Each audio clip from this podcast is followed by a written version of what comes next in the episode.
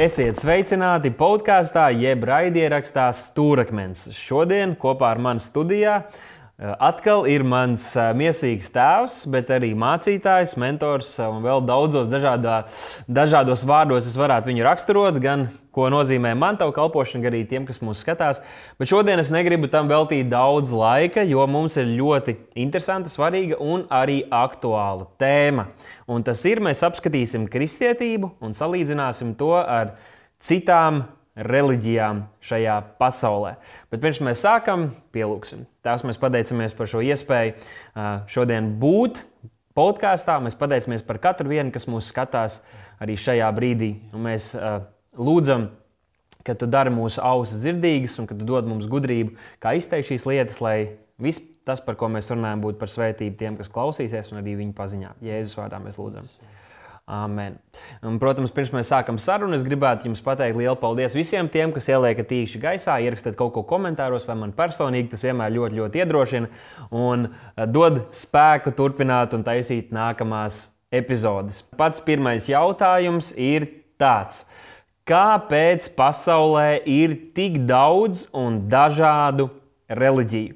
Un es uh, iedošu tādas pirmās atbildes, kas man ienāca prātā par to domājot. Un pirmais ir tas, ka iezīmēja šī cilvēka reliģiskā daba. Jā, patiesi, tu vari aizbraukt uz dažādiem pasaules nostūriem, kur iespējams nekad nav bijusi kāda stipra roka, kas kādiem centusies iemācīt um, to, ka pastāv kāda augstāka būtne. Bet visur, kur tu būsi un aizbrauks, tu redzēsi, ka cilvēki tic augstākiem spēkiem, un tas liecina par to, ka mūsos visos, ka mēs visi esam radīti tādi ar šo pārliecību, apziņu, apjausmu, arī redzot dabu mums apkārt, ka pastāv kāds, kas to visu radīs un kas lielos vilcienos to visu arī kontrolē.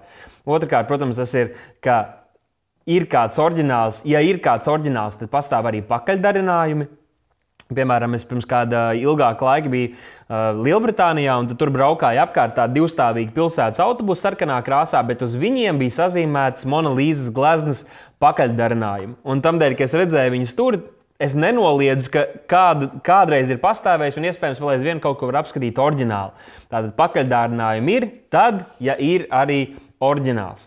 Uh, un tad, nu, kā trešo punktu, es uzrādītu to, ka e, cilvēki un Bībele mums uzrāda jau pašā iesākumā, kad Dievs radīja cilvēku un e, gribēja, e, lai cilvēks dzīvo šajās skaistajās attiecībās ar savu radītāju, piepildot savu aicinājumu šeit virs zemes, ka bija kāds nu, ļaunais spēks, kas panāca, ka cilvēks.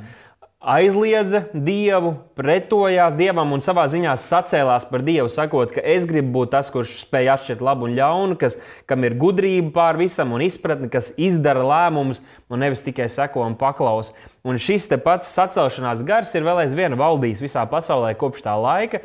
Un tādēļ arī dažādos veidos, ne tikai runājot par mums pazīstamām reliģijām, bet arī citiem nu, filozofijas un, un, un, un, un ideoloģiskiem virzieniem, cilvēki ir centušies atsta, atrast kādu aizvietojumu šai iekšējai nepieciešamībai kaut kam kalpot, un tomēr patiesībā nepadodoties dievam, bet nu, padodoties tādām reliģijām un, un lietām, kas viņiem pašiem ir komfortablāk varbūt. Mm -hmm. Nu, Es vēl pie tā, ko tu teiktu, es absolūti piekrītu visiem tiem taviem pamata, pamata punktiem, bet es vēl pieliktu klāt arī tādu, tādu politisku mērķi, kāpēc?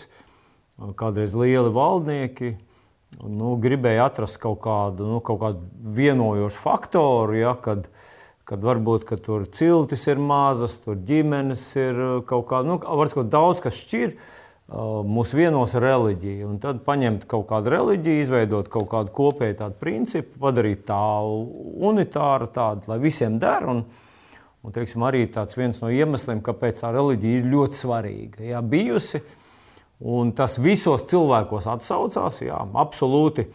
Man gribētos atgādināt vēl tādu pantiņu, kas ir uh, atklāsmes grāmatā 4. nodaļā 11. pāns.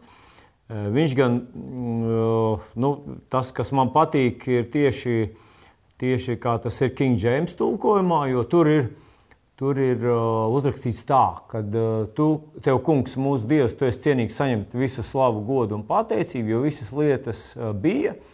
un ir radīts tavai, tavai patikai vai, vai tavai, tā, nu, tavai for your pleasure. Jā, nu, tā, tā doma, ka priekš tevis, jā, nu, arī, arī kolosiešiem ir tāpat doma par Jēzu teikt. Un tātad, ja cilvēks, mēs runājam par cilvēku, kurš ir radīts uh, attiecībām ar Dievu, tad līdzīgi kā zivī ir vajadzība pēc ūdens, jā, kā putnam ir vajadzība pēc uh, lidojuma, jā, pēc pacelšanās spārnos, pēc tā spējas tur planēt pāri visam. Tā cilvēkā ir milzīga vajadzība. Milzīga vajadzība pēc mīlestības, pēc attiecībām, pēc mm, tā, ka viņš tiktu pieņemts, ja, ka viņš uh, atrastu to savu nu, to attiecību dziļumu uh, un, un pēc savu radītāju. Ja. Nu, mēs to redzam vispār. Tas izpaužas visās jomās. Ja. Cilvēki šodien uh, to ir noreducējuši līdz attiecībām, seksu, tur ģimene, tur pretējais dzimums tur un tā tālāk. Mm. Bet tā lielā lieta, kas ir mūsos visos, un kas rezonē absolūti visur, ja, ir tas, ka cilvēkam vajag šo attiecības ar savu radītāju. Un tas ir visur. Jā, absolūti. Jā, kristietība.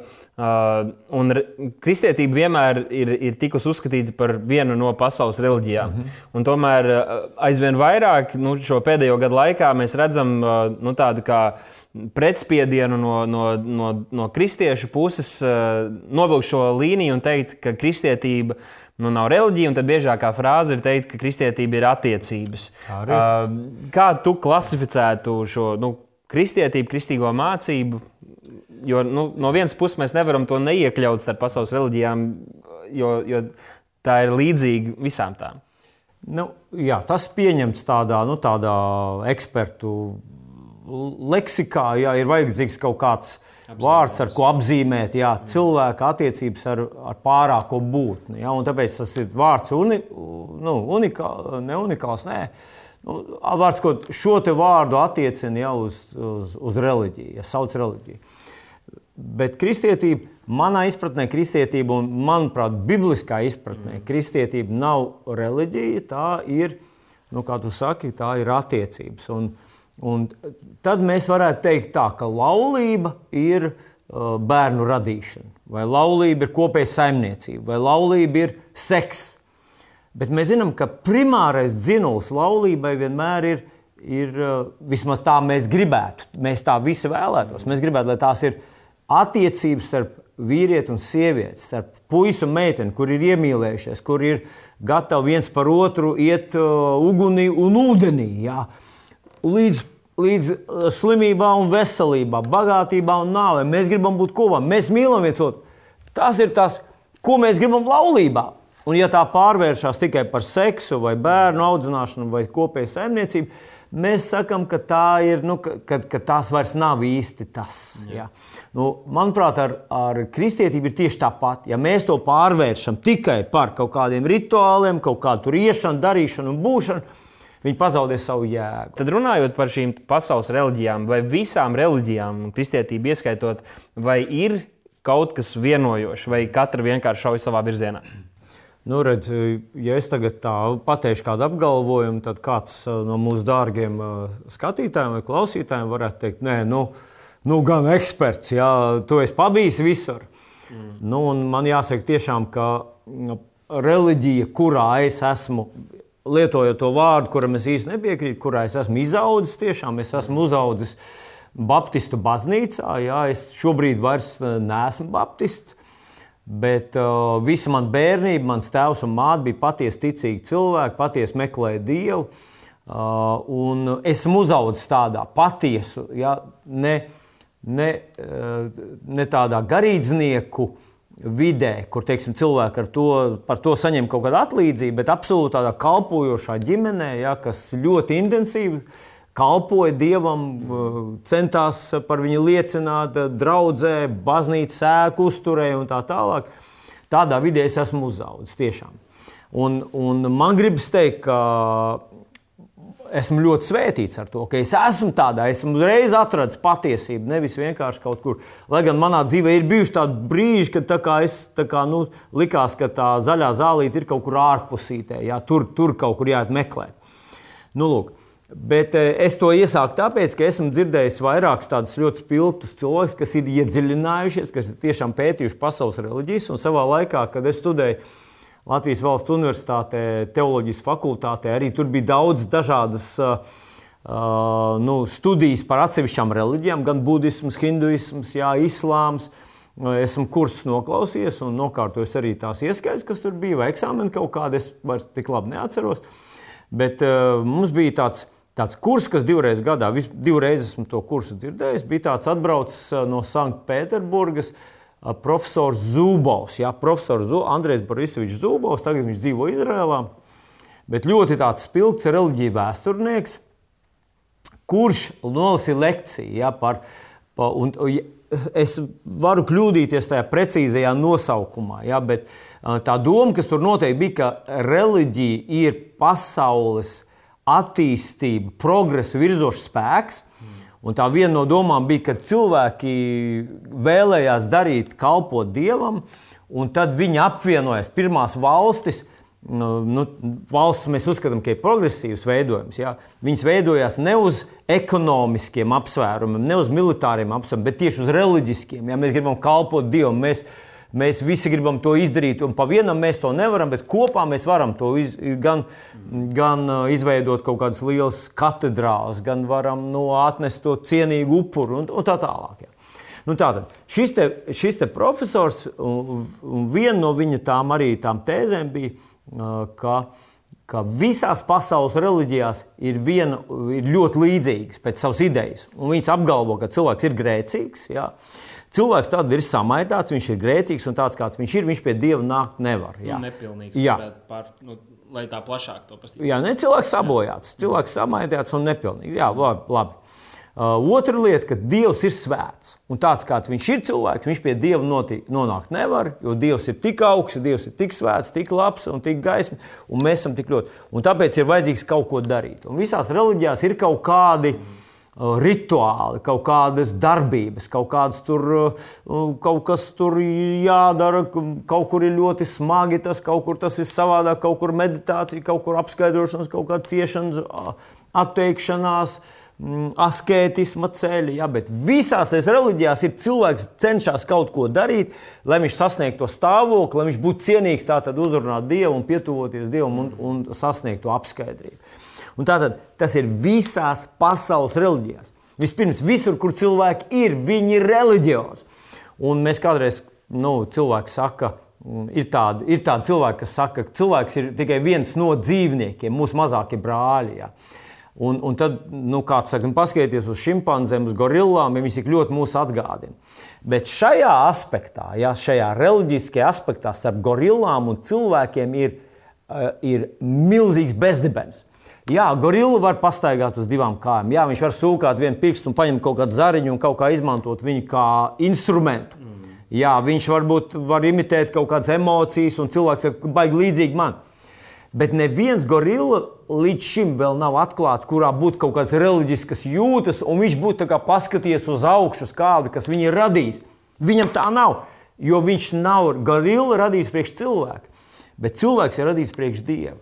Un šajā ziņā mm. uh, nu, tas ir visās pasaules reliģijās ir vienojošs, jā, un cilvēkos visā pasaulē tas atsaucās. Visi zina, Un atcerās, jā, ka mēs esam krituši, jā, ka, ka mums ir kaut kas jādara, lai mēs sasniegtu Dievu, lai mēs viņam patiktu, lai mēs nopelnītu viņa labvēlību, viņa svētību, viņa mīlestību vai vēl kaut ko no, no viņa, lai mēs saņemtu. Mums ir pamatīgi jāpiestrādā. Jā, arī cilvēki, kas eh, sevi neuzskata par reliģi reliģioziem, uh, Tomēr paskatieties, kas notiek sabiedrībā, aizvien vairāk ir dažādi kursi, kas piedāvā holistisku attīstību. Tātad attīstīties nozīmē kļūt labi, labākiem, būt labākai sevis versijai.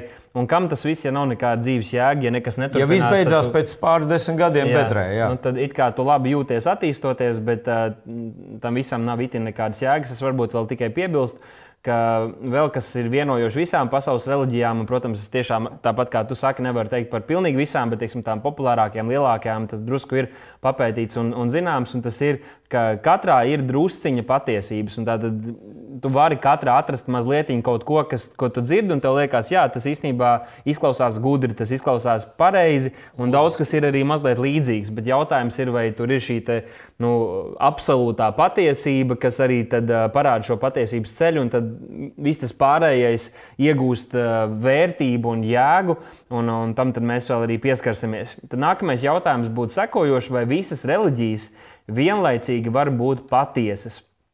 Šis arī ir apgalvojums, ko diezgan bieži mēs dzirdam gan no sabiedrībā, no atpazīstamiem cilvēkiem, gan arī vienkārši sarunās ar cilvēkiem, sakot, ka ir daudzi ceļi, bet pie viena dieva. Tātad visas tās reliģijas jau runā par to vienu augstāko spēku. Ir pat daži, kas ir šķietami, viņi vismaz domā, ka ir satikušies ar šo augstāko spēku, esot kādu nu, apreibinošu vielu ietekmē, un tad ir runājuši ar viņu.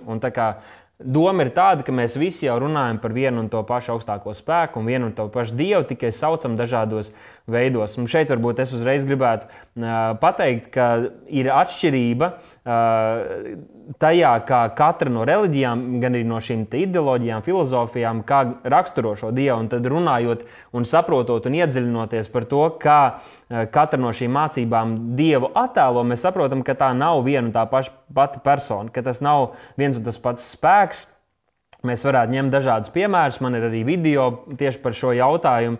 Budisti noliedz personīgi dieva eksistenci vispār. Krišnaīdi tic eh, vienam no hinduismu populārākajiem dieve, dieviem. Musulmaņi tic Allaham, eh, kurš ir tāds eh, nu, blē, blēdīgs un mānīgs, un pat Muhameds nebija drošs par savu glābšanu. Un, un tā vien šķita, ka Allaham vispār nerūp sieviešu tiesības un bija gatavs apmierināt katru savu kalpu Muhameda iegribu, eh, kas arī bija tas, kurš pasludināja viņa pavēles citiem cilvēkiem. Tad mēs redzam, ka mormoņi tic dievam, viņa vectētiņam, vec, vecmāmiņai, dieva sievai, un arī ka viņi kādreiz būs dievi, kam būs savas planētas. Varētu skaitīt vēl uz priekšu dažādus piemērus, un mēs saprotam, ka Tas nav iespējams. Pirmkārt, ka, tas, ka, ka tie visi runā par vienu pašu, piemēram, New Age ticību, runā par to, ka mēs katrs pats esam dievs. dievs. Tikai esam aizmirsuši to. Jā, un tā tad, tā tad pirmkārt pats dievs pie kura kā, cilvēks tiecas, jau tiek attēlots ļoti atšķirīgi. Jautājums ir nevis, uh, nevis kā tos visus apvienot, bet kurš gan ir tas par, patiesais ceļš. Un, uh, tāpat arī Jēzus apgalvoja kaut ko pavisam skaidru, ko mēs vēlāk runāsim, apgalvo arī lielākā, lielākais vairums šo reliģiju ir tas, un Jēzus teica, es esmu ceļš, patiesība un dzīvība. Un tā tad mēs nevaram sagrozīt viņu vārdus un teikt, nu labi, Jēzus, vēl tur Muhameds, vēl tur Buda un vēl visādi ceļi. Vai nu tad Jēzus ir melis, vai viņš ir jukušais, vai viņš ir Dieva dēls, kurš ir miris par pasaules grēkiem, un tad mums arī jāpieņem viņu kā to, kurš ir sludinājis patiesību. Jā, nu es pie, piebilstu pie tā visa. Uh, nu, savā laikā, kad paklausījos tās lekcijas par, par hinduismu, piemēram, ja, kurā ir neierobežots dievu skaits, ja, tur, tur paklausoties to visu dievu izdarības, kuras ir absolūti perversas, absolūti nepieskaitāms. Ja, ja, ja kaut kas tāds notiktu cilvēku sabiedrībā, mēs tos cilvēkus izolētu un iespējams piespriestu viņiem uh, no absolūtus uh, nāves sodus, jo mums liktos, ka tik sabojāti, tik perversi, tik uh, nu, samaitāti savā domāšanā ir. Ja? Kā apgalvo, ka daži no tiem dieviem ir, kur tur viņi viens otru apkaro, viens otram tur dara pāri, viens otru tur seksuāli izmanto, un tad tur uh, nu, dažādas ķermeņa daļas tur sa sabojā un samaļ. Un tur, nu, vienmēr sakot, uh, pateikt, ka tas ir, uh, ka tas ir uh, ceļš, ka, tas ir viens, ka viss tas kopā ir viens un tas pats, ir uh, nu, absolūti. Tas ir glupi. Jā, to, to var tikai tāds cilvēks, kurš, teiksim, tā, kuram tāds ļoti paviršs priekšstats par visu to ir. Tā kā uh, Uh, es, man, es, es to pielīdzinātu tā, ka mēs teiktu, tā, ka reizes tas, uh, tas kaut, kas, kaut kas ar kaut ko reizinās un kaut kas beigās parādās. Ja, un, un nav svarīgi, kas, bet nu, fakts ir tas princips, ja, ka tur uh, reizinot to ar to, sanāk kaut kas cits. Bet mēs zinām, ka mūsu matemātikas skolotāji ar to absolūti nebija mierā. Viņi gribēja, lai divreiz divi, viņi, kad mums prasīja, viņi gribēja, lai pasaka, cik tad ir jā, patiesība. Un man gribas teikt, ja ir patiesība, tad ir arī meli. Ja? Un meli nekad, nekad nav patiesība. Un li, cik arī daudz to melu nebūtu, ja, viņi nekad nebūs patiesība.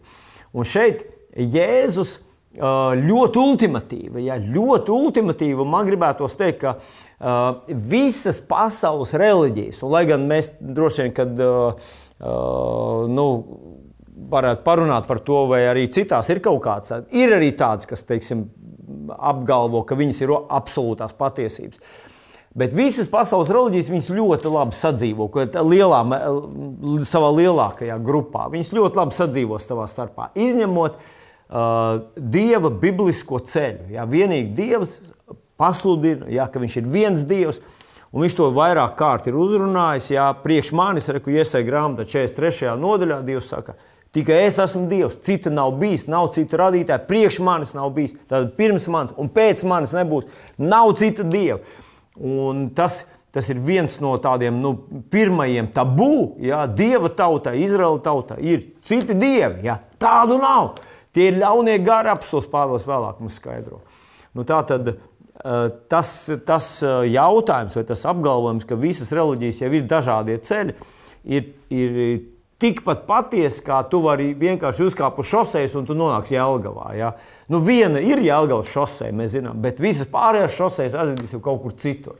Jā, tā kā sevi mierināt vienkārši ar šiem vārdiem, un to var saprast. Jebkurš cilvēks, kurš kaut ko dara savā dzīvē, viņš grib mierināt savu dvēseli, kad viss ir pareizi, kad, lai gan man kaut kas neapmierina un satrauc tajā, kur es esmu, man ir nemieris manā sirdī. Gan jau, ka viss galu, galu, galu beigās jā, jā. būs labi, un viss tāpat mēs kalposim vienam un tam pašam dievam. Bet, jā, jā Jēzus Jāņem Aģelī 14. nodaļā, 6. pantā teica ļoti ultimatīvi, viņš teica, es esmu ceļš, patiesība un dzīvība. Neviens netiek pie tēva kā vien caur mani. Un, te ir mums jāizvēlas, tātad, ko mēs par viņu domājam. Viņš ir vienīgais, kurš mīra trešajā dienā augšām cēlās, un tā apliecinot, ka viss tas, ko viņš ir teicis, ka tā ir patiesība, bet tas mūs aizved līdz jautājumam, kurš varbūt nemaz nav vietā, jo pēc šī video virsraksta jūs jau redzat, ka mūsu izpratnē, un es ticu, ka uh, patiesības izpratnē kristietība ir neslīdzināma pārāk par jebkuru citu reliģiju un jebkuru citu ceļu.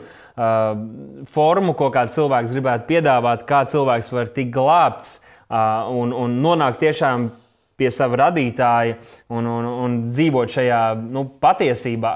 Bet man ir jāuzdod šis jautājums tev, un tas ir, kurai reliģijai, kristietība ieskaitot, ir patiesība, un kurš dievs ir īstais, kā kristietība atšķiras no citām reliģijām. Bet sākumā, kur reliģija ir patiesība, kurš dievs ir īstais? Mm -hmm. Nu, it kā jau mēs mazliet pavilkām uz to pusi un mēģinājām jau paskaidrot, ka kristietība atšķirās no visas tās, no visas tās milzīgās grupas, viņa stāv atsevišķi. Ja. Un, uh, nu, es, es nezinu, es, man gandrīz gribētos teikt, ka, uh, ka kristietībā ir tādi. Kristietībā ir tādi, nu, nu, pieņemsim, Jēzus frāzi, kur viņš saka, tā, uh, ja es nebūtu nācis, un viņiem parādīs darbus, kādus neviens cits nav darījis, viņiem nebūtu grēka. Bet tagad viņi tos ir redzējuši un vēl aizvien ienīst mani. Ja? Kā Jēzus saskārās ar cilvēku nepatiku. Ja? Bet ne tāpēc, ka Jēzus runāja melus, vai viņš tika pieķerts kaut kādos melos vai kaut kādā viltvārdībā. Vienkārši kaut kas, kaut kas tajā cilvēku lepnumā, reliģiskā lepnumā, viņos, viņus kaitināja. Skaudība, greizsirdība, varbūt vēl kaut kas. Nu, vēl, Man gribas teikt, ka, ka kristietībā ir tāds fenomens, kas saucās Svētie raksti, ja Bībele. Un, protams, kāds varētu iebilst, ka visās reliģijās gandrīz ir svētie raksti. Bībele atšķirās no pilnīgi visām, pilnīgi visām reliģijām. Bībele atšķirās. Un es vēl, es vēl uh, šodien, šodien uh, man, man bija tā doma, uh, un es kaut kur to biju dzirdējis, to domu, ka uh, 4. mūža grāmatā, 2. nodaļā ir aprakstīts, kā, kā Dievs pavēl savai tautai, kā lai viņi izvietojas ap šķirstu. Ja? Nu, lūk, Un es biju to dzirdējis, kad, kad Biljāns uzkāpa kalnā kopā ar to ķēniņu Balaku. Balaku jā. Biljāns un Baraks. Tad Balaks pasauc Biljāns, tad nolāda Izraelu. Kad viņi uzkāpa uz tā kalna no augšas, paskatījās uz Izraelu nometni. Ko viņi redzēja? Un jūs var, to varat pārbaudīt. Ja? Bet saliekot visas tās proporcijas, kā viņš tur apraksta, kā Izraēlam ir jāsastājas apkārt, tātad tas sajiešanas telts ir pašā vidū, un uz visām četrām pusēm ir izvietojušās visas šīs Izraēla vienības. Zinu, ko Biljams redzēja? Krustu. Krustu, kad viņas tās proporcijas ir perfektas. Ja? Ir īsākais gals, garākais gals un apmēram vienādi šie sānu, sānu spārni. Un Bībelē ir vairāk, kā es precīzi vairs neatceros, jā, tas jāpaskatās kaut kādā pierakstā, ja, bet vairāk kā 300 detaļas, kurās apraksta Jēzus nākšanu, viņa piedzimšanu, viņa nāvi, viņa citātus, ko viņš izdarīs, kā tas notiks, viss, kurš, kur viņa apglabās. Un uh, nekā tāda nav visā, visā, visās pasaules reliģijās. Bībele, kas ir uzrakstīta gandrīz divu gadu tūkstošu laikā, jā, mazāk, mazliet, jā, mazliet mazāk. No pirmā, no pirmā Bībeles grāmatas līdz Kristum ir 1500 gadi. Jā. Un tomēr Jēzus saka, ka Mozus par viņu ir rakstījis. Mm. Nu, uh, vēl nevienā citā reliģijā nav tukša kapa. Jēzus vienīgais, Dārvids jau to pieminēja, Jēzus vienīgais tika apglabāts, apglabāts zināmā vietā. Tur bija liecinieki, kā viņš nomira, kā viņš tika nogalināts. Tur bija apkārt vesels lērums ar, ar lieciniekiem. Un viņš vienīgais uzcēlās no kapa, viņa kaps ir tukšs. Un pirmais, pirmie liecinieki, kas apliecināja, ka viņš ir augšām celās, ir tie cilvēki, kuriem vajadzēja sargāt, lai viņš netiktu augšām celts. Un nu, pirmās, kas pasludināja viņa augšām celšanos, bija tās, kam tajā laikā nebija vispār nekādas uh, balss, un eh, viņām nebūtu bijis jāuztic šo svarīgo vēstu pasunāt. Tās bija sievietes, kur, kuru vārds pirms viņām bija atcerieties, tie romieši virsū. Jā, jā, es, es saprotu, jā. bet tas, kas pasludināja, pirmās bija sievietes, jā. kuras pēc tam gāja un pasunāja to arī apstuļiem. Eh, es piekrītu arī par Bībeles patiesumu. Mēs noteikti vēl kādā stūrakmenī runāsim, tā, runājot tā arī par to, kā, kā tā tika sakopota, tātad vecā darība, jaunā darība, pēc kādiem kritērijiem to izdarīja. Un, uh, Un, jā, par daudzām šīm lietām, kas ārkārtīgi atšķir Bībeles tekstus no, no jebkuras citas reliģijas, kādām grāmatām un stāstiem. Bet vēl es gribētu piebilst, ka, protams, kristietības pamati balstās Jēzus autoritātē. Tā tas ir tas, ko viņš pasludināja, tas, ko pēc tam viņa apstuļi, kas bija viņam bijuši līdzās, kas bija tiešā kontaktā ar viņu un kuri arī bija redzējuši visu to, par ko Bībelē mēs lasām, kas pēc tam ar savām asinīm apliecināja um, viņa, viņa, viņa vārdus. Citu, tas ir, tas ir ļoti spēcīgs arguments, ka visi 11 Jēzus mācekļi apliecināja, redz, tur Jēzus runāja par patiesumu. Tā ir tā pati uh, uh, dieva ceļš, kas iet mūzes, ja viss vecā derība, un atnāk līdz jaunam, un kurā ir, tev nebūs dot nepatiesa liecība. Un šie cilvēki, ja, samaksā ar sevi, nomira par to, ko viņi sludināja. Citiem vārdiem, tas nebija kaut kas, uh, karjeru viņi neuztaisīja. Viņi ne, ne, nestāvēja uz lielas platformas, viņi nebija tik toka liecinieki. Ja. Viņi samaksāja ar savām asinīm, apliecinot, ka tas, ko viņi runā, tas, par ko viņi stāsta, tas, ko viņi visu savu dzīvi sludinājuši, Viņi tam uztic savu dzīvi, viņi mīra par to. Tas Tieši ir tā. baisais arguments. Un Jēzus ir augšām cēlies, tam arī ir pierādījumi. Tam tieši tā kā tu teici, šis tukšais kaps, kas apliecina, jo viņš pats to pasludināja, ka viņš augšām celsies. Tas nozīmē, ka kuram gan vēl citam mēs vairāk uzticētos, vai kādam, kurš ir šķietam tika apgaismots, sēžot zem kāda koka, vai kādam, kurš bija zaglis un aplaupīja karavāns, kas gāja garām, vai kādiem citiem, varbūt pat nu, teiksim, pēc mūsu cilvēcīgiem standartiem, šķietam labiem cilvēkiem, kas centās arī kaut ko labu pasludināt un pamācīt, vai kādam, kurš ir miris un augšām cēlies. Un tā apstiprinot savus vārdus. Vēl es gribētu arī piebilst, ka kristietība un mūsu svētie raksti līdz ar to ir vēsturiski uzticami. Uh, kaut vai runājot par mormoņu uh, grāmatu, ir daudz arī vēstures pētnieki, kas redz, ka tur ir aprakstīts kādas ciltas vietas un notikumi, kas vēsturiski nav uzticami, kas nav patiesi. Tomēr Bībelē, Bībelē ļoti daudz brīnišķīgas lietas, kas ir aprakstītas gan par vēsturi, gan arī par nākotnē gaidāmo, un arī kas tika pasludināts vēl pirms, tās, pirms tas notika. Un tagad, skatoties atpakaļ, mēs varam redzēt, ka tas tika pasludināts patiesi, ka tā tas arī ir bijis. Un, pirms, pirms kādiem gadiem es dzirdēju, ka kādi prominenti vēsturnieki un pētnieki bija teikuši tā, ka ja uh, kaut kas, kas ir rakstīts Bībelē, vēl nav atrasts, tad mums tikai ir jāturpina meklēt. Lūk, tā uzticas uh, Bībeles uh, tekstam. Un vēl kā nu, tādu pēdējo no šiem punktiem, ar ko tad. Kā tad nu, teiksim, atšķiras kristietība no citām reliģijām, ir tas, ka tā ir pārbaudāma un piedzīvojama. Uh, mēs nevienkārši dzirdam jaukas tēzes un kādas foršas domas, kas, uh, kas, uh, kas izklausās gudri. Mēs varam to piedzīvot. Mēs reāli redzam, kā Dievs ir spēcīgs un varens, kā viņš darbojas mūsu dzīvēm, mums ir attiecības ar viņu. Ne vienkārši, ka mēs sakām citiem, ka tas ir iespējams, un tieši tā kā tu teici, kristietība ir attiecības ar Dievu, bet mēs reāli to varam piedzīvot. Tu vari dzirdēt, kā Dievs tev runā, tu vari dzirdēt, kā Dieva vārds tiek pasludināts, un kā Dievs apstiprina savu vārdu līdzējošām zīmēm, notiek zīmes un brīnumi visdažādākajos veidos, un Dievs vēl aizvien apliecina savu vārdu, atklājoties cilvēkiem. Amen!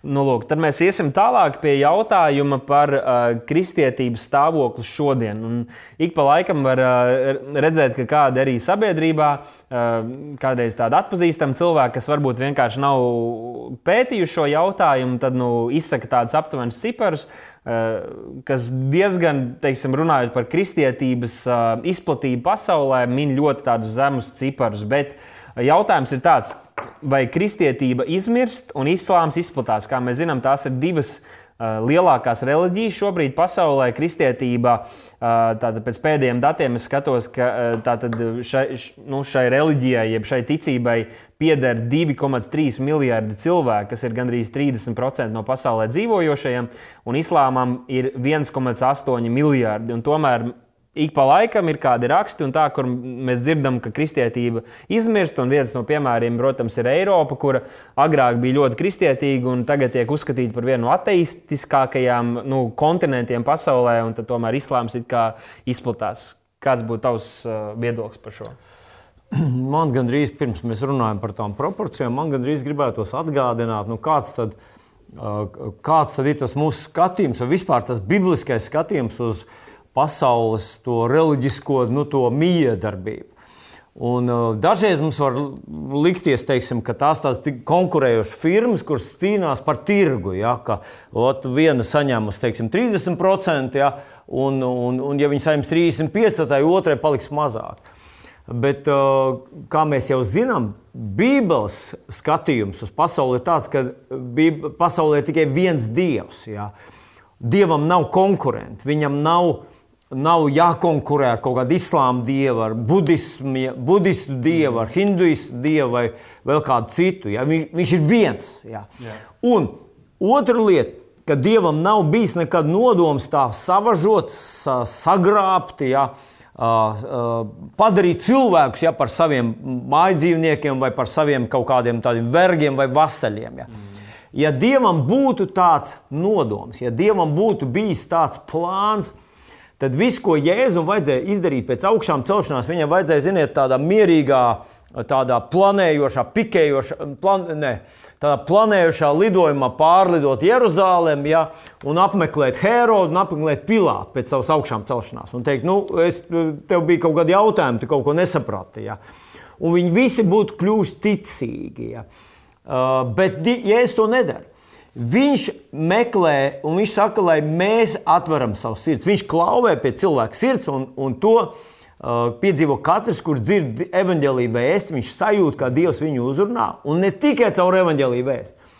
Dievs uzrunā cilvēks arī caur uh, jūras šalkonu, okeāna šalkoņus, put, caur putnu dziesmām, caur koku un vēju šalkošanu. Ja. Dievs uzrunā cilvēku, uzrunā viņu dziļākajā būtībā un saka, paskaties, kāds es esmu. Viņam, kā apelsīns Pāvils Romiešiem, saka, ka to, ko par Dievu var zināt, par viņu mūžīgo varu, par viņu dievišķību, cilvēks zina. Yeah. Dievs uzrunā cilvēku. Un Dievam nav nodoma ar visu varu iebaidīt, savaņģot, iemānīt, iedabūt cilvēkus savā mīlestībā.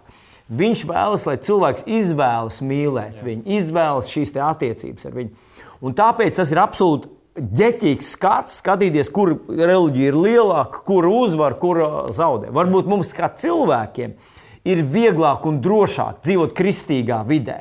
Mhm. Arī tie, kas teiksim, kritizē kristīgo, kristīgo vidi un kristīgo kultūru, Viņam vajadzētu dažus gadus padzīvot kaut kādā veidā. Viņi to teiksim. var darīt kristīgās mācības dēļ, jo kristi, kristietība ir radījusi šādu Absolut. kultūru, kurā to drīkst darīt. Demokra, tā saucamā demokrātija. Aizbraukt uz kādu musulmaņu uh, pārvaldītu zemi, un jā. tur sāc kritizēt Muhamedu un Islāmu, un paskaties, jā. kur tas tevi novadīs. Jā, jā, un tad saki, ka kristietība ir slikta. Jā. Ja pat uh, šie rādītāji būtu pat, nu, patiesi, vai tendence būtu patiesa, par kuru cilvēki kādreiz uz, uh, norāda, Tas, ka kādai mm, reliģijai vai filozofijai ir daudz sekotāju, nepadara to par patiesu, nepadara to par patiesību. Ne. Arī tad, kad Jēzus bija kopā ar saviem 12 mācekļiem, kad augšstabā bija 120 kristieši, kas pirmie saņēma svēto garu un tad gāja sludināt šo evaņģēlīju, arī tad kristietība bija vienīgā patiesā, vienīgais patiesais ceļš pie Dieva kad tai vēl nebija pat tūkstoši sekotāju. Tātad šie rādītāji patiesībā neko daudz nenozīmē.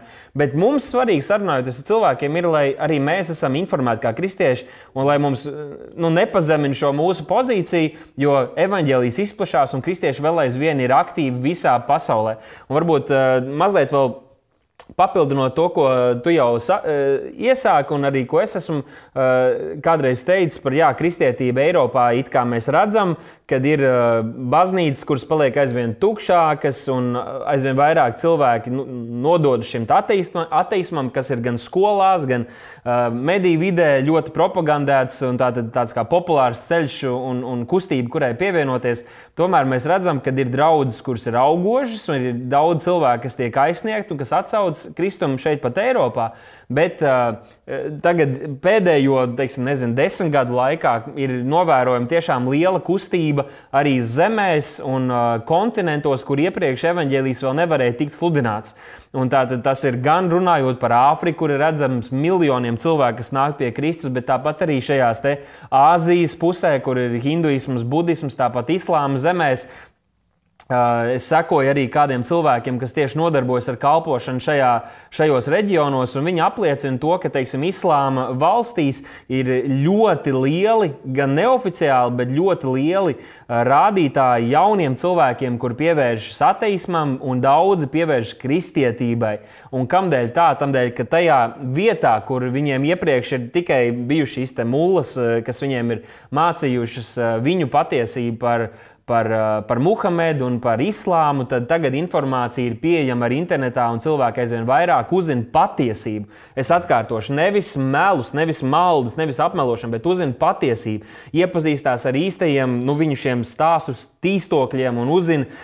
Kā, kāds tas Muhameds bija, vai nu runājot par jebkuru citu reliģiju, un ir iespējams uzzināt ļoti daudz, saprast, un, un, un, un tad viņi ir Viņu uh, sirdsapziņa un viņu taisnības apziņa neļauj viņiem palikt tur, un tad viņi meklē ceļu. Tātad tie, kas patiesi meklē, meklē patiesību, viņi atradīs to vienalga, kurā reģionā. Mēs vēl tam drusku pēc mirkļa pieskarsimies. Vienkārši gribēju norādīt uz šo kustību, kas, kas ir ļoti, ļoti ievērojama. Un es pat esmu dzirdējis, YouTube, ja var arī atrast kur ir teiksim, islāma zemēs ļoti populārs, un arī Amerikā un, un citvietā, kur ir viena no vadošajiem pārstāvjiem, kas atbildīgi par šīs reliģijas nu, uzturēšanu, kur viņi savā starpā runā par to, ka ja kaut kas netiks darīts, ka tas būs liels nu, avalanche, sniega nogruvums, kas turpinās pieņemties spēkā, jo tie cilvēki sāk atklāt patiesību un viņus vairs nevar turēt sagūstītus, jo, jo informācija ir pieejama. Un šie dati un tādas, tādi apgalvojumi ir ļoti, ļoti maldīgi un ir vērts uzzināt vairāk. Un Dārvids vēl nepieminēja Ķīnu, kurā ir milzīga pagrīdes draudzene. Viņa ir milzīga. Šobrīd tie cilvēki saskarās ar reālām vajāšanām, reāli cilvēki mirst par Kristus ticību. Nu, arī Ziemeļkorejā. Ziemeļkorejā jā, jā, arī daudzās Indijā. musulmaņu valstīs, jā, ļoti stingrās musulmaņu valstīs ir pagrīdes kristīgās kopienas, kuras ir slepenas, kuras uh, faktiski riskē ar savām dzīvībām, bet cilvēki nopietni tic kungam Jēzum Kristum. Nu, nu, Dažus gadus atpakaļ, vēl, kad uh, es mācījos uh, Latvijas Universitātē, statistika bija tāda, ka kri, uh, katrs trešais pasaules iedzīvotājs sevi pieskaita kristiešu kopienai. Tātad apgalvo, ka viņš ir kristietis. Katrs trešais. Es gribētu apgalvot, ka tas skaits ir lielāks. Un tomēr mēs īsti nevaram zināt šo skaitu. Redzat, kādā vietā Jēzus stāsta tādu līdzību par kādu saimnieku, kuram ir liels dārzs, un kurā viņš izsēja labo sēklu, un tad uh, viņa ienaidnieks izsēja slikto sēklu. Un tad viņa kalps saka, viņam paklaus, mēs iesim un izravēsim. Un viņš saka, nē, nē, nē, ka jūs netīšām ravēdami sliktās neizplūst arī, arī labo sēklu lai aug abi kopā līdz pļaujamam laikam. Un es gribētu apgalvot, ka šis, šis attēls attiecas uz pasauli. Mēs šodien īsti pateikt nevaram. Dažādu iemeslu dēļ, dažādas skaitīšanas metodas, dažādas apgalvojuma metodas. Es esmu runājis ar cilvēkiem no, no musulmaņu valstīm, kuri saka tā, ka tas viss šobrīd islāms turās uz milzīgu tādu asiņainu diktatūru ja tā diktatūra tiktu noņemta, izrādītos, ka lielākā daļa to cilvēku sen vairs tam netic un to ir darījuši vai izlikušies. Vai, nu, tā kā mēs kādreiz, kad mēs vēl bijām Padomju Savienības uh, teritorijā, dzīvojām, tad mēs visi bijām sociālismu cēloņi. Lai gan mums tas sociālisms uh, bija vajadzīgs kā zaķim stop signāls. Jā. Mēs vienkārši Vienkārši mēs nelecām tam pretī, jo tas nozīmēja nu, risku visu pazaudēt. Ja.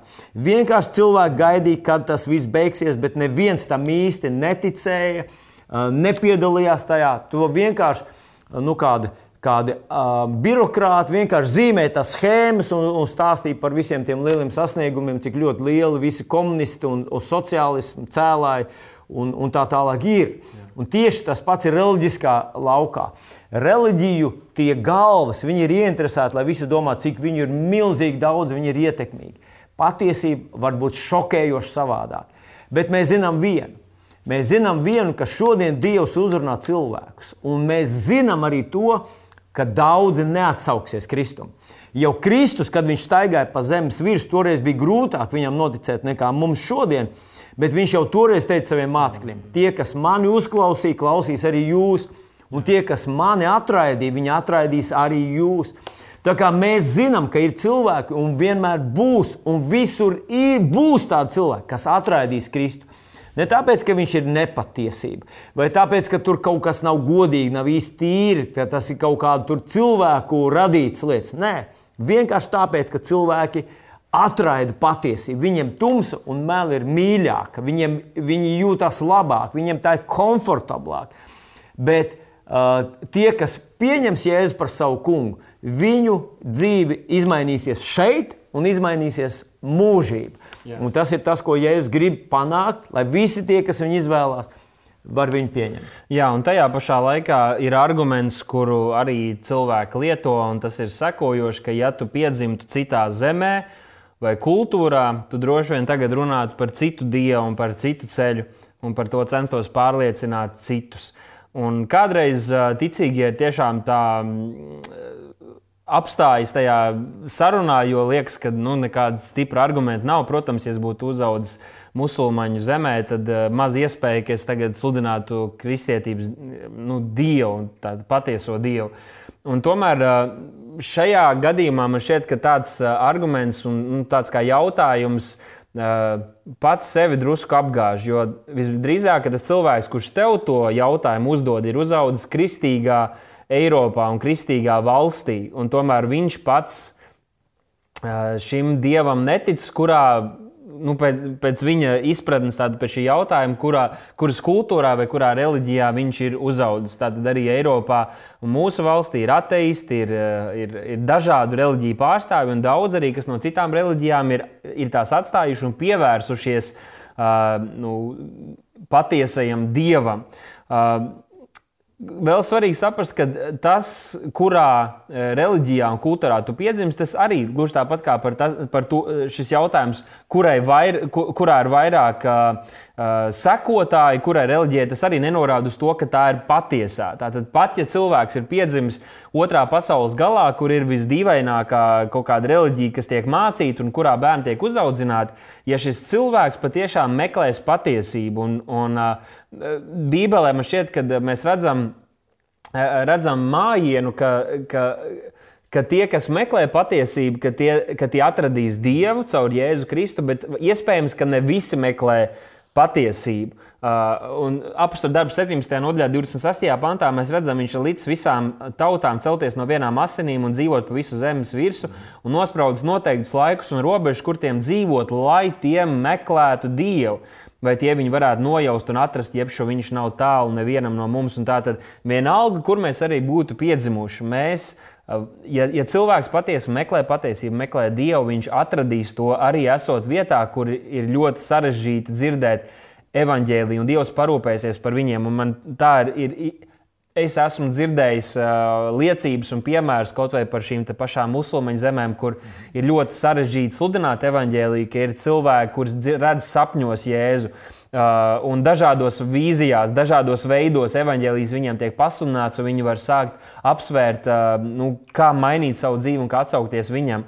Uh, tātad, ja cilvēks meklē Dievu, un uh, man ir pārliecība, ka vienalga, kur es arī būtu dzimis, manī ir šīs slāpes. Un es arī nesakoju šim Bībeles dievam tikai tāpēc, ka mans tēvs to sludina, un tikai tāpēc, ka vēl kaut kādi mani draugi ir tādi, bet tam dēļ, ka es zinu un redzu, ka tā ir patiesība. Tāpēc, ka kristietība atbild uz visiem jautājumiem vislabāk, tāpēc, ka es varu piedzīvot Dievu, es, un, un vēl tik daudz argumentu ir, kamdēļ es uh, sekoju Kristum, ne tikai tāpēc, ka kāds man to ir mācījis. Mm -hmm. Bet man gribētos, varbūt tas izklausīsies drusciņi kontroversāli, ja mūsu klausītāju ausīs īpaši. Bet tas ļoti daudz ko pierāda. Un tas arguments, ko es pateikšu, tūdaļ, ir tāds, nu, tāds nevienkāršs. Tomēr viņš kaut ko saka. Un tas arguments ir tāds, ka man savā laikā, vērojot, nu, nesaukšu konfesiju vairs, visus tos mācītājus, kurus es pazinu, neviens no viņu bērniem nekalpoja dievam.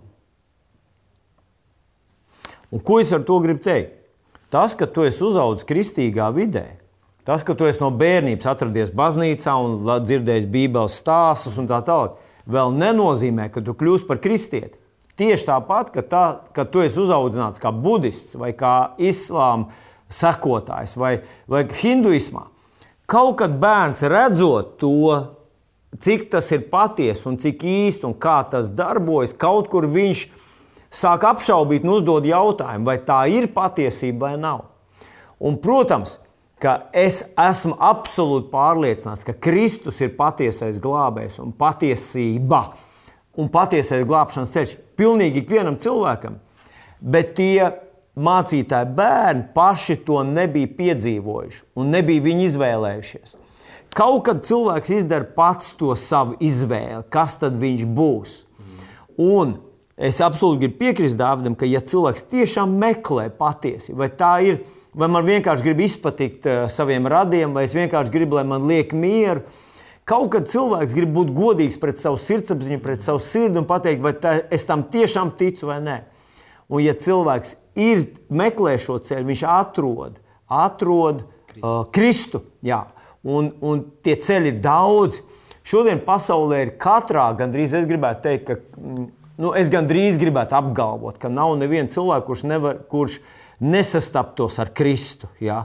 un kuru Kristus neuzrunā dažādos, var, varbūt, varbūt pavisam ne tādā veidā kā tevi un mani, ja? bet viņš uzrunā cilvēku šodien. Viņam ir savi liecinieki visur, kur. Un vēl man gribējās pateikt, redz, ka ir tas Bībelē ir tāds princips, un tas princips ir tāds, ka kam vairāk dots, no tā vairāk arī paprasa. Mēs ar tevi dzīvojam kristīgā vidē. Mēs sastopamies ar Kristu šeit un tur, atkal un atkal un atkal. Mums būs pavisam cits atskaites punkts, par, ar kādu mēs atbildēsim. Bet tas cilvēks, kurš tiešām dzīvo kaut kādā hinduismu ciematiņā, kaut kur tur, kur viņš neko nedzird, Un viņa priekšstats par kungu jēzu un par glābšanu ir varbūt salīdzinājumā ar to atklāsmu, kas ir tev. Viņam ir tik maz. Viņš arī, viņš arī par tādu arī atbildēs. Un tādā ziņā Dievs ir taisns un viņš neprasīs no visiem vienādi. Bet mēs ar tevi, mīļais draugs, atbildēsim pēc visas tās lielās atklāsmes, kur Dievs mums ir nodrošinājis. Un tāpēc mums ir jābūt nopietniem. Tieši tā. Uh, tas aizved līdz jautājumam par kristietību, kas sākās drusku vairāk kā 2000 gadus atpakaļ. Uh, tātad Jēzus atnāk šeit virs zemes, un tad ir 12 mācekļi, kurus viņš izsūta, nu, sāk šo kristietības revolūciju visā pasaulē. Un tad, protams, rodas jautājums, vai kristietība var būt šī vienīgā patiesā reliģija, ja tā sākās tikai 2000 gadus atpakaļ. Jā, nu, vispirms mēs zinām, ka Jēzus nesūtīja savus mācekļus dibināt jaunu konfesiju, ja katoļus, piemēram. Viņš, viņš sūtīja savus mācekļus, lai viņi sapulcina cilvēkus, ka Mēsija ir atnācis. Jēzus bija tas Mēsija, ko 1500 gadus jau raksti uh, sludināja aprakstīt detaļās. Mēs jau to pieminējām, ka viņa nākšana bija aprakstīta mazākajās niansēs. Viņa nāve, viņa augšām celšanās, viņa ciešanas bija aprakstīts līdz niansēm. Un faktiski Jēzus bija visas vecās derības uh, piepildījums. Tā kā Jēzus nedibināja jaunu reliģiju, viņš bija tieši tās pašas uh, dieva atklāsmes, turpinājums, piepildījums, un viņš iedibināja jaunu derību. Bet tā jaunā derība tika pasludināta, ka viņa tāda būs vēl vecā. Balstījās uz veco derības eh, un to, to, tās piepildījumus. Vienkārši gribētu vēl uzsvērt, lai mēs saprotam, šis arī ir tāds, ko kādreiz izmanto pret mums, kad ir kristietībai ir tikai 2000 gadu. Tātad tas ir ļoti svarīgi mums to saprast, ka kristietība nebija kaut kas, kas sākās 2000 gadus atpakaļ. Jā, pēc šī vārda, kā mēs to saprotam, Kristus uh, un Kristus sakotāji, kristieši Eh, un, un, un, un šī, šī, šī mācība, ko Jēzus un apstuļi pasludināja, jā, bija savā ziņā kaut kas jauns, un tomēr kristietība un šis kristīgais ceļš ir jūdeismu piepildījums. Tātad jūdeisms mācīja un vadīja šo, jā, ka mēs. Toreiz viņi nesauc par jūdeismu. Jā, jā, jā. jā.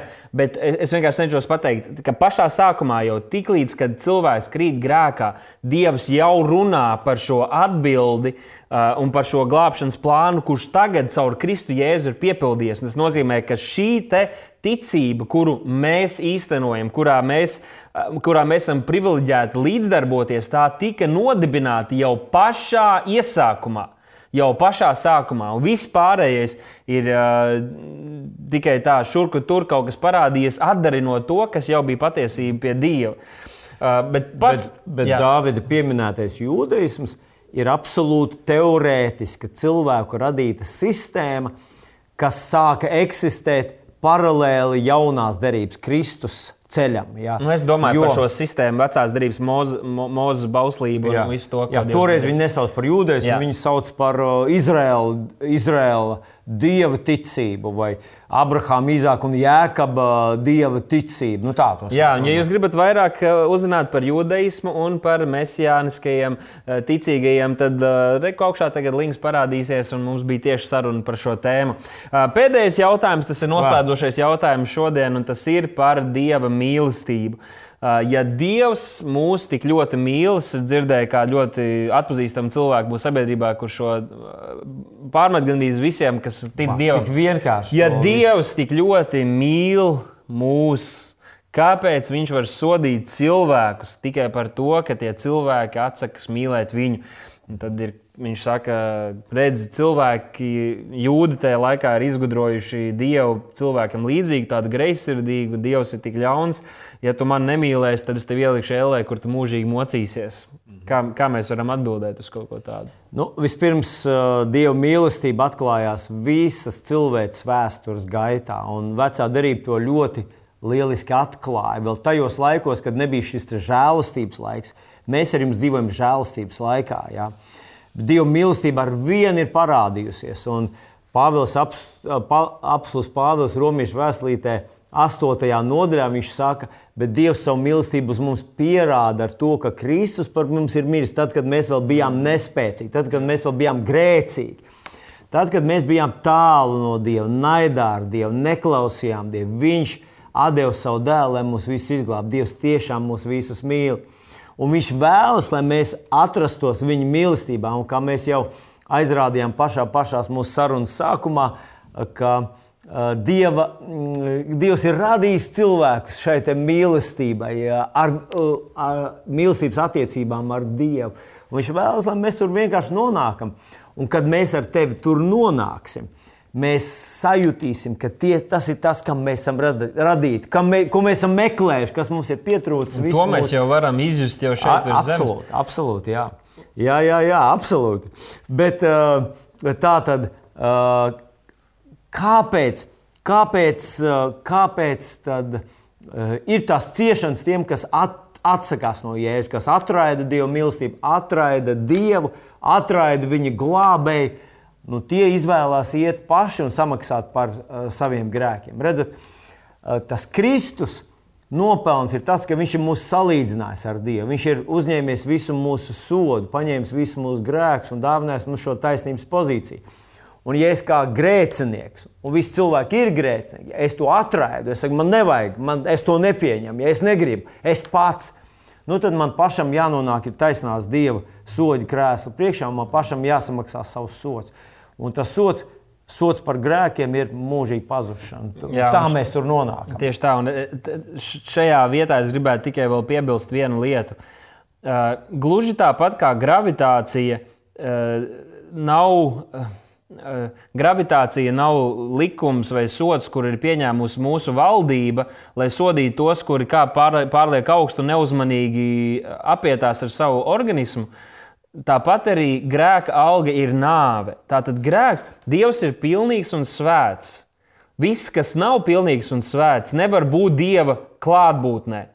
Tas nav dieva lēmums, tas ir dievišķā daba un tā ir dievišķā real, tā ir realitāte, tā garīgā realitāte, fakts, jā. garīgs likums, kurš jā. vienmēr ir pastāvējis. Jā.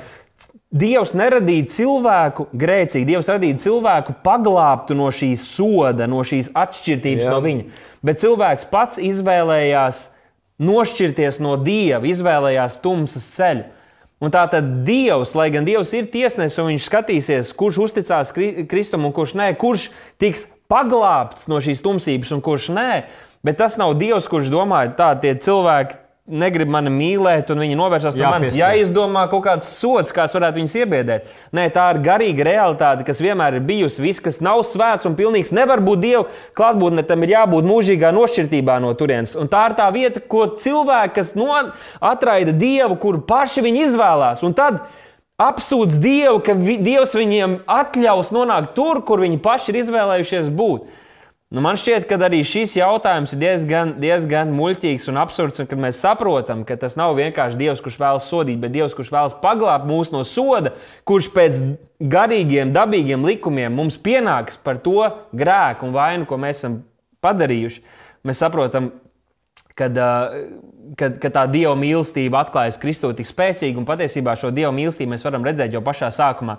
Kad Ādams un Ieva grēko, tad daudz to varbūt nesaprot, bet Bībeles skolā šo, šo mēs mācāmies, ir, ka tad, kad Ādams un Ieva grēko, tad, kad Dievs izdzen vai izdzen viņus ārā no šī ēdienas dārza.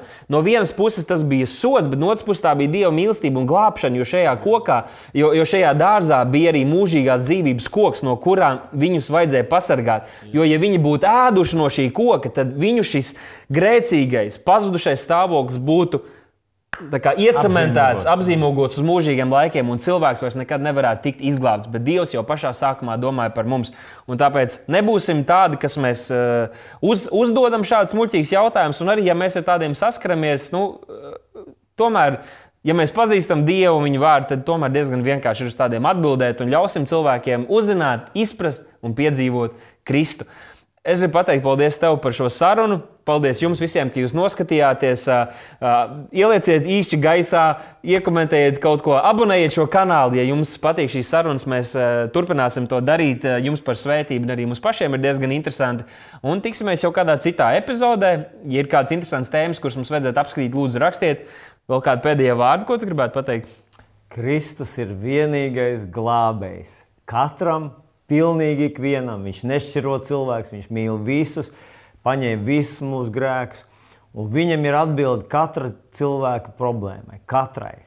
Un, uh, mēs esam priecīgi, ka esam viņu piedzīvojuši un ka varējām mazliet arī šodien padalīties ar tevi.